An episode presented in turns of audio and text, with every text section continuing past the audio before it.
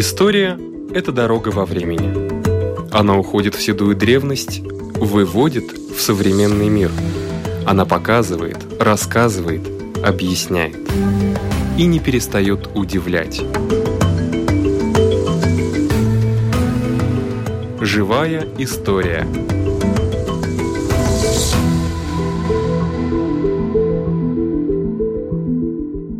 У микрофона Лидия Чера. garapoppa, man bija viena garapoppa, līdz pašam debesīm, līdz pašam debesīm.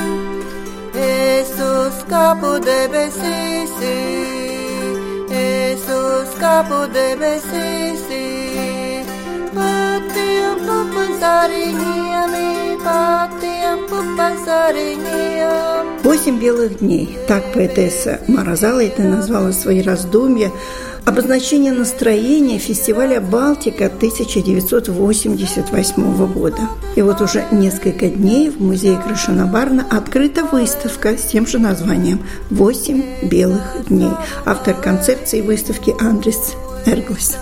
Во-первых, это память с памятного 88 года, когда наши мысли, наши дни шли таким темпом, что ты не знал, чем день закончится, и все поминутно. И, конечно, кульминацией этого 1988 года был этот фольклорный фестиваль «Балтика», международный фестиваль, который проходил уже второй раз. Предыдущим летом 1987 года это происходил в Литве. Но в Риге этот фестиваль совпал именно с расцветом нашей отмоды, нашего возрождения. И поэтому участникам и свидетелем этого фестиваля он запомнился именно как вдохновляющий, песенный, объединяющий фестиваль, большой концерт. Трудно подобрать даже слова. И нам хотелось этой выставкой, во-первых, напомнить и рассказать тем, которые родились уже после этого или позабыли, может быть, эти события, отдать дань тем людям, которые организовали, которые участвовали. И к нашей радости еще много есть свидетелей, участников. И вот сейчас работа и, и мысли направлены к тому, чтобы записать эти свидетельства, эти рассказы, эти воспоминания, поехать к этим людям и немножко зафиксировать для истории и человеческие эмоции, их воспоминания. Потому что мы имеем множество фотографий, есть и видеоматериалы. Вы участник? Я тогда еще не был участником, но я уже тогда работал в музее, и я был свидетелем того, молодым человеком, который был свидетелем того абсолютно неописуемого такого момента, когда хотя бы то, что к нам приехали и латышские фольклорные ансамбли впервые из Америки, из Швеции и из Башкирии ансамбль латышских женщин, которые там пели. Это было такое эмоциональное переживание, что трудно сказать. И именно фольклорный фестиваль «Балтика» стал таким импульсом, чтобы наша атмода превратилась в песенную атмоду, как мы говорим, дзесмота революция. И я чувствую сердцем, что именно Балтика дала эту песенную нашу революцию, дала ей песню, дала ей такой голос, истинно народный, исконный, настоящий голос народа, народа, помимо манифестаций, помимо политических лозунгов. Это была та духовная сила, которая сохранилась из поколения в поколение и выплеснулась в эти восемь дней и белилась в солнце, и помылась в дождике в заключительный вечер. И вот эта душа каждого участника и свидетеля тоже как бы омылась. Да, и, и прошла какое-то, не знаю, освещение или осознание своей истории, своего народа.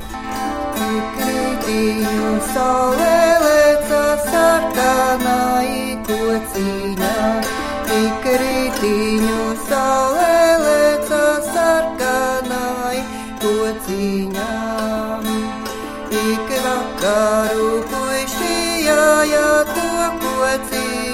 meklēdam.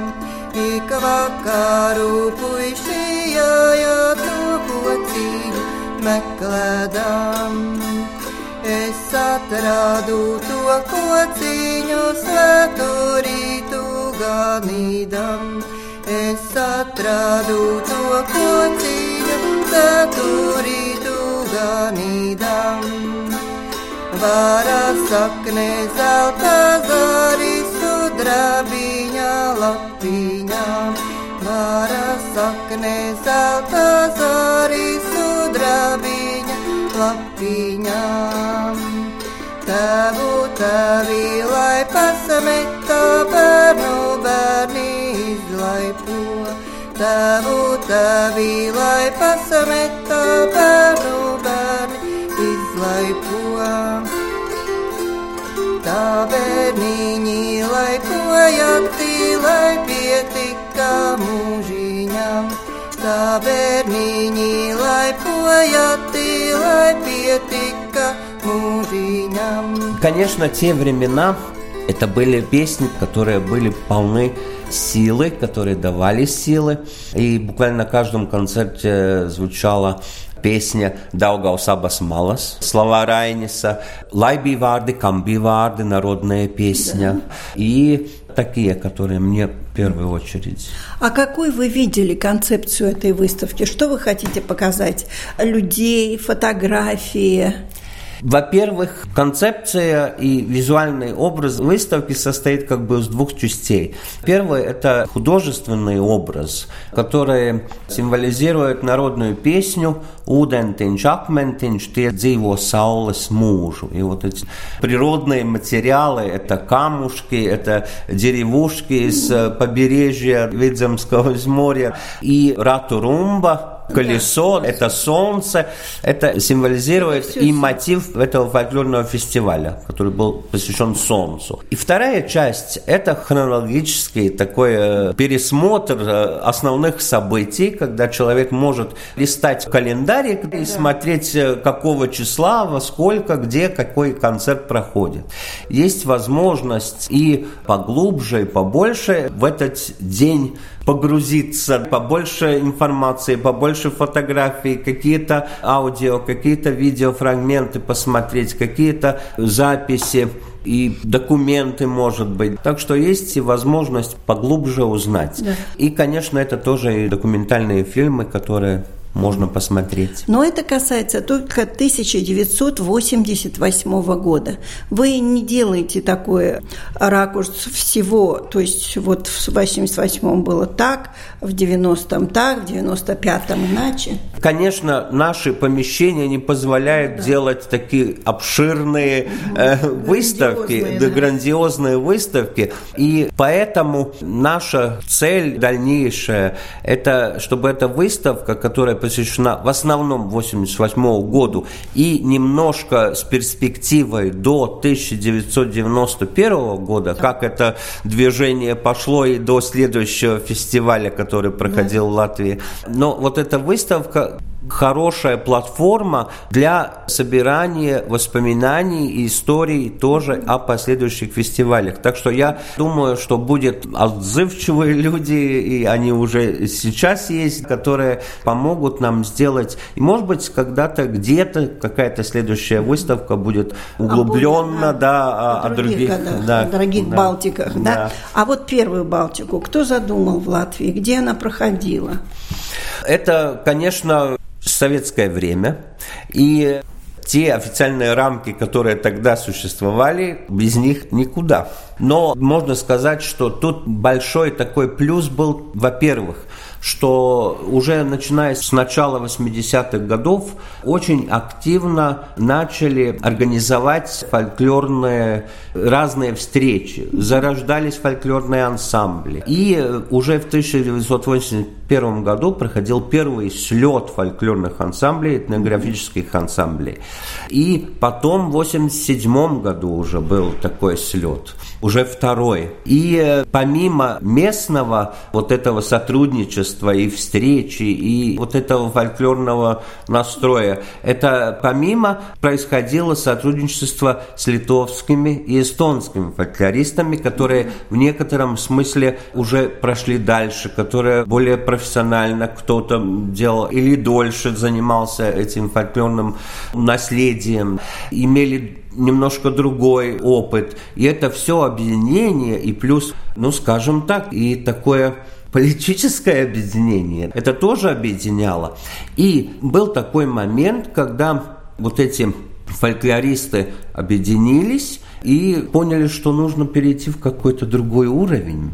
И вот так случилось, что в Советском Союзе в то время не было ни одного официального международного фольклорного фестиваля. И когда разговоры зашли о том, что мы же тоже должны иметь такие же да. фестивали, как и во всем мире, то балтийские фольклористы оказались, буквально как в 19 веке молодолатыши, оказались на том месте и сказали, вот, пожалуйста, у нас есть большой опыт, мы можем это, так сказать, нести.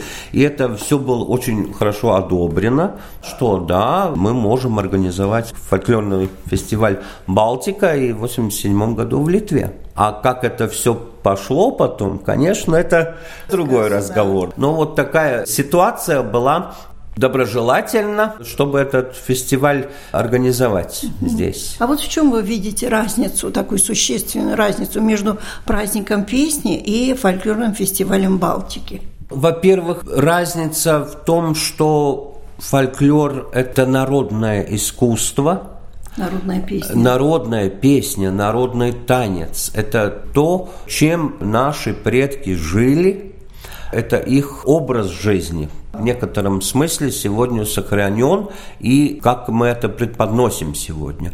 Праздник песни – это, конечно, во-первых, профессиональная музыка, это хоровое пение и все тому подобное. Это во-первых. Если праздник песни у нас все-таки идет сценарий, идет какое-то общее, да, то фольклорный фестиваль это, конечно, тоже концерты проходят, но тут намного больше Проще э, э да, и импровизация, потому что фольклор это искусство импровизации. Вот. Это не то, что у всех одни ноты, все поют правильно и красиво. Иногда бывает, что чем неправильно ты поешь, тем интереснее, потому что эта ситуация, может быть, именно этого и требует. Так что импровизация, конечно.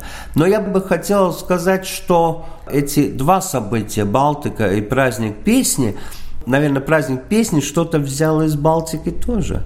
Ну, Потому что э, да, в программе праздника песни есть отдельный фольклорный день. Есть некоторые такие традиции, которые из фольклорных фестивалей взяты. Например, когда поют все вместе, например, да. после большого праздника. Ну, раньше это в трамваях было, сейчас это организовано. Но вот именно это, я думаю, такие нити связывают. И это очень радует, что это все-таки идет к сближению, и что праздник песни песни тоже максимально берет от народного искусства, из фольклора, берет то, что красиво и что необходимо для праздника песни. Те же самые танцевальные коллективы, например, костюмы народные, потому что очень это трепетно относится. Есть специальный смотр народных да, костюмов. Да, да. И это все потому что этому уделяется внимание, что это, это считается важно, ценностью. Да, да, и достоверность является да. ценностью. И вот фольклорные ансамбли, наверное, больше все-таки соответствуют тому правильному пониманию исторического костюма и песни тоже, наверное.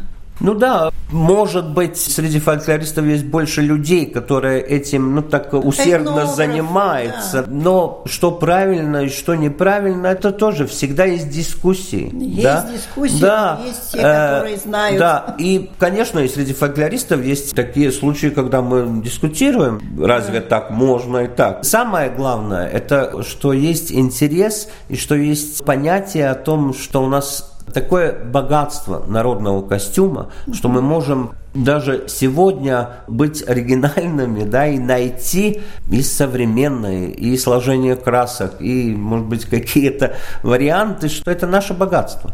Спасибо. У микрофона был автор концепции выставки «Восемь белых дней» Андрис Эрглис.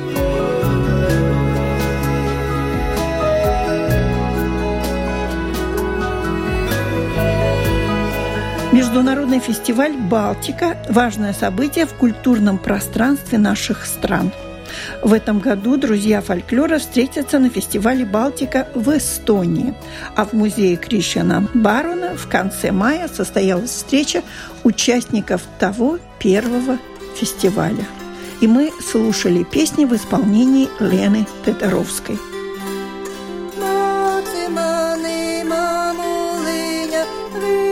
sadai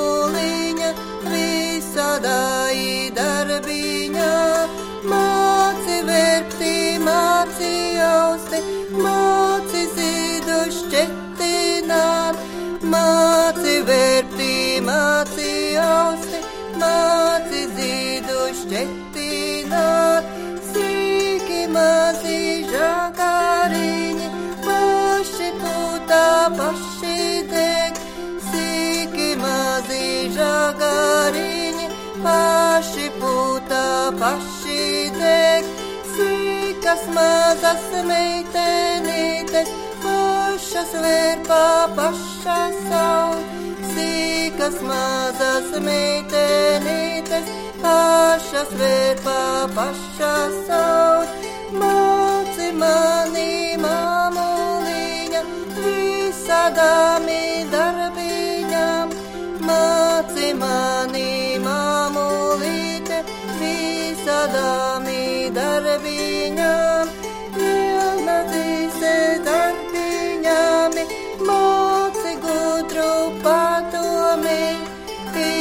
Izmācīsi darbiņāmi, māci gudru padomi skolas bērni gauži rauda, malgratāji vērtāmies.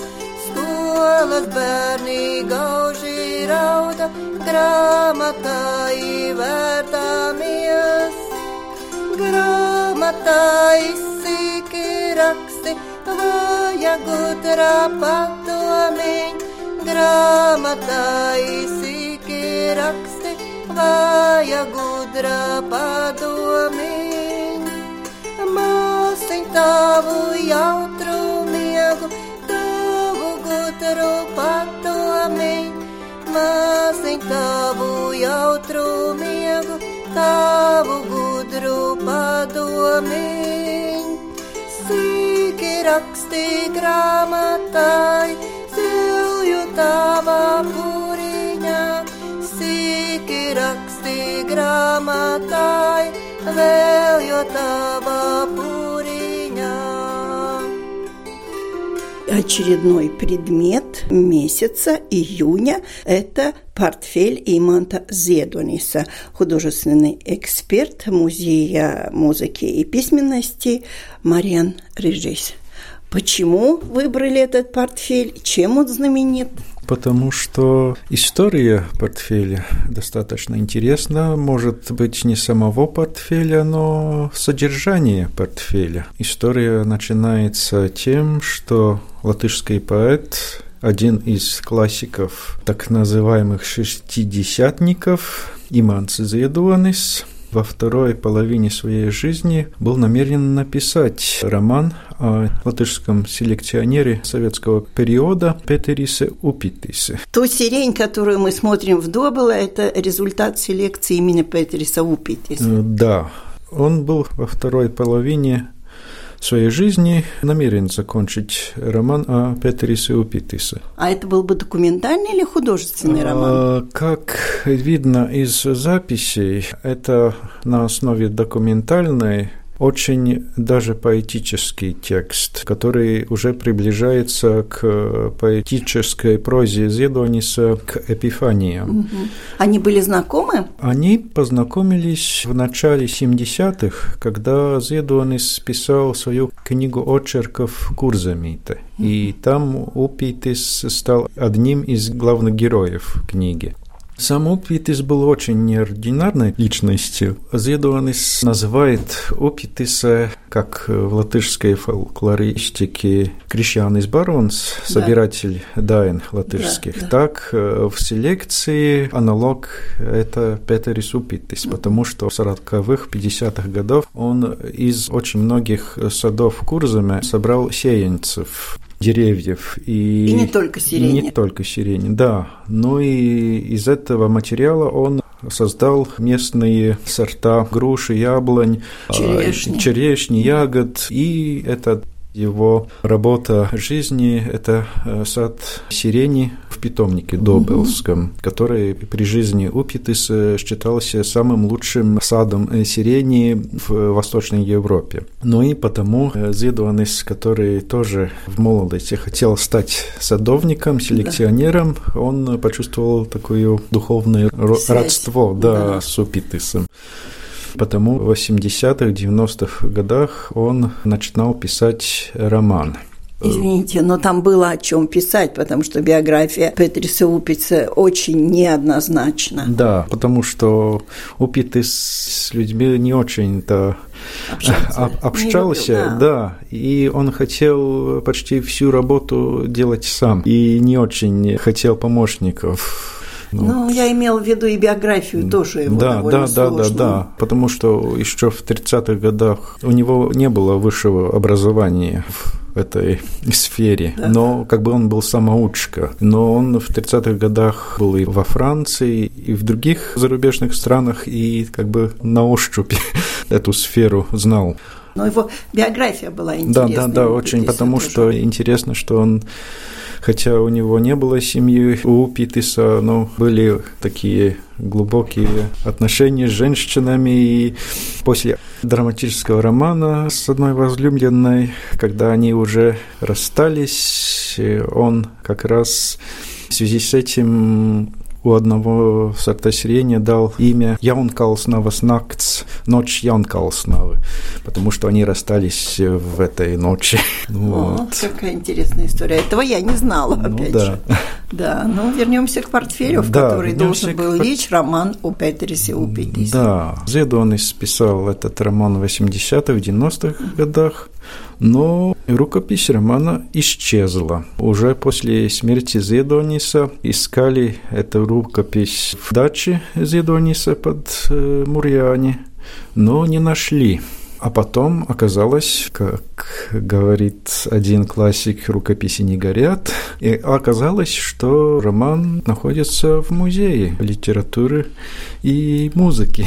То есть в вашем музее? Да, да. Ну, история была такая, что сотрудница главная хранительница фонда музея Анна Эглиена когда-то была в гости у Зидониса.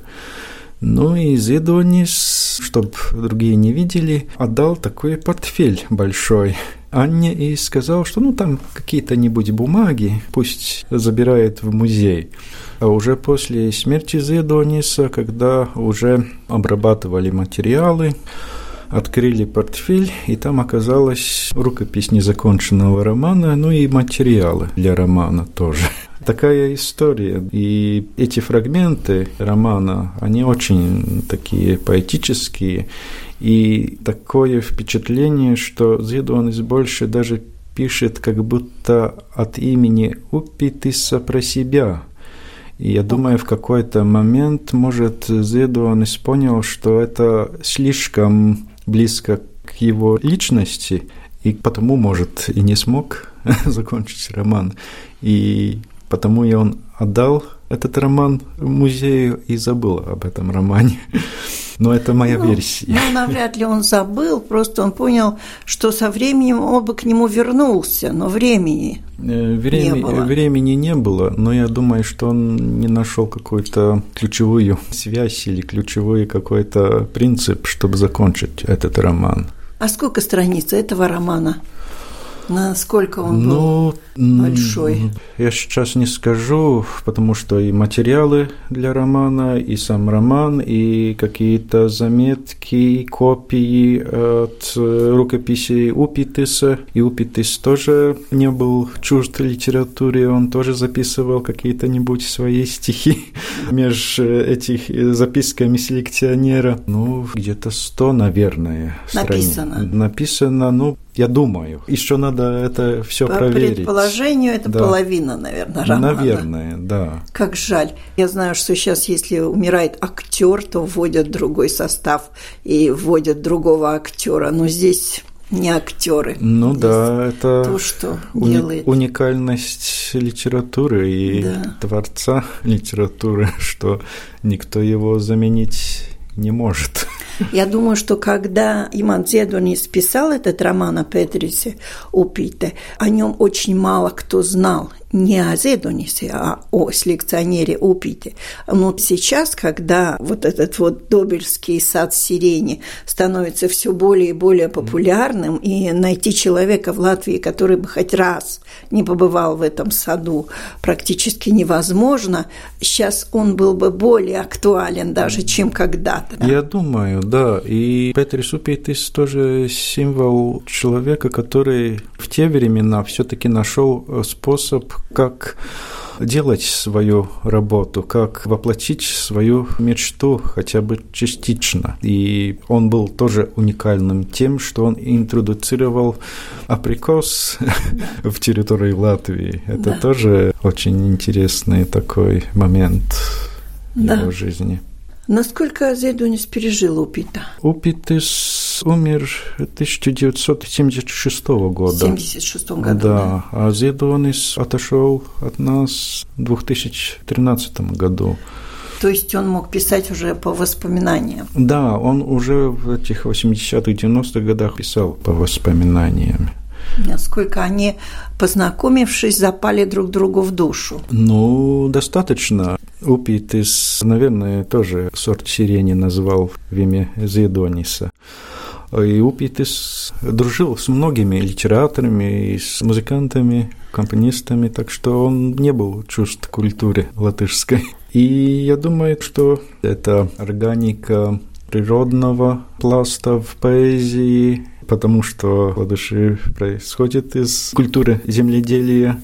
Этот пласт, фольклорный пласт, очень сильный был в латышской поэзии, потому и это аналогия или мост между селекционером и поэтом очень сильный. Да, этот мост существует наверняка. Ну и судьба портфеля. Теперь он пуст или там что-то будет тоже, как он, где, Но где а, его можно увидеть сейчас воочию. портфель можно посмотреть в музее Ярса Вацитиса, потому что сейчас наш музей не обладает помещением, где экспонировать. Вы на ремонте, да, скажем мы, так. мы на ремонте, Да. так можно сказать. Поэтому этот портфель можно увидеть в музее Оера Вацитиса. И это тоже предмет месяца. Да. Сам портфель можно осмотреть, но роман находится у вас? у нас в музее еще в обработке. Но потом уже желающие смогут посмотреть тоже рукопись. Но это до июня, потому что в июне мы уже собираемся понемножку, и осенью мы надеемся, что мы перемещаемся в наши новые помещения. На Марстелю 6. Нет, на Маштель 6 это будет, мы надеемся, 21 года часть. У музея две части. Хранилище и ну, Экспозиция. Экспозиция, администрация, коммуникация – это на Марстеле. А эта часть идет в Пардогове. Спасибо. У нашего микрофона был художественный эксперт Музея музыки и литературы Мариан Режейс.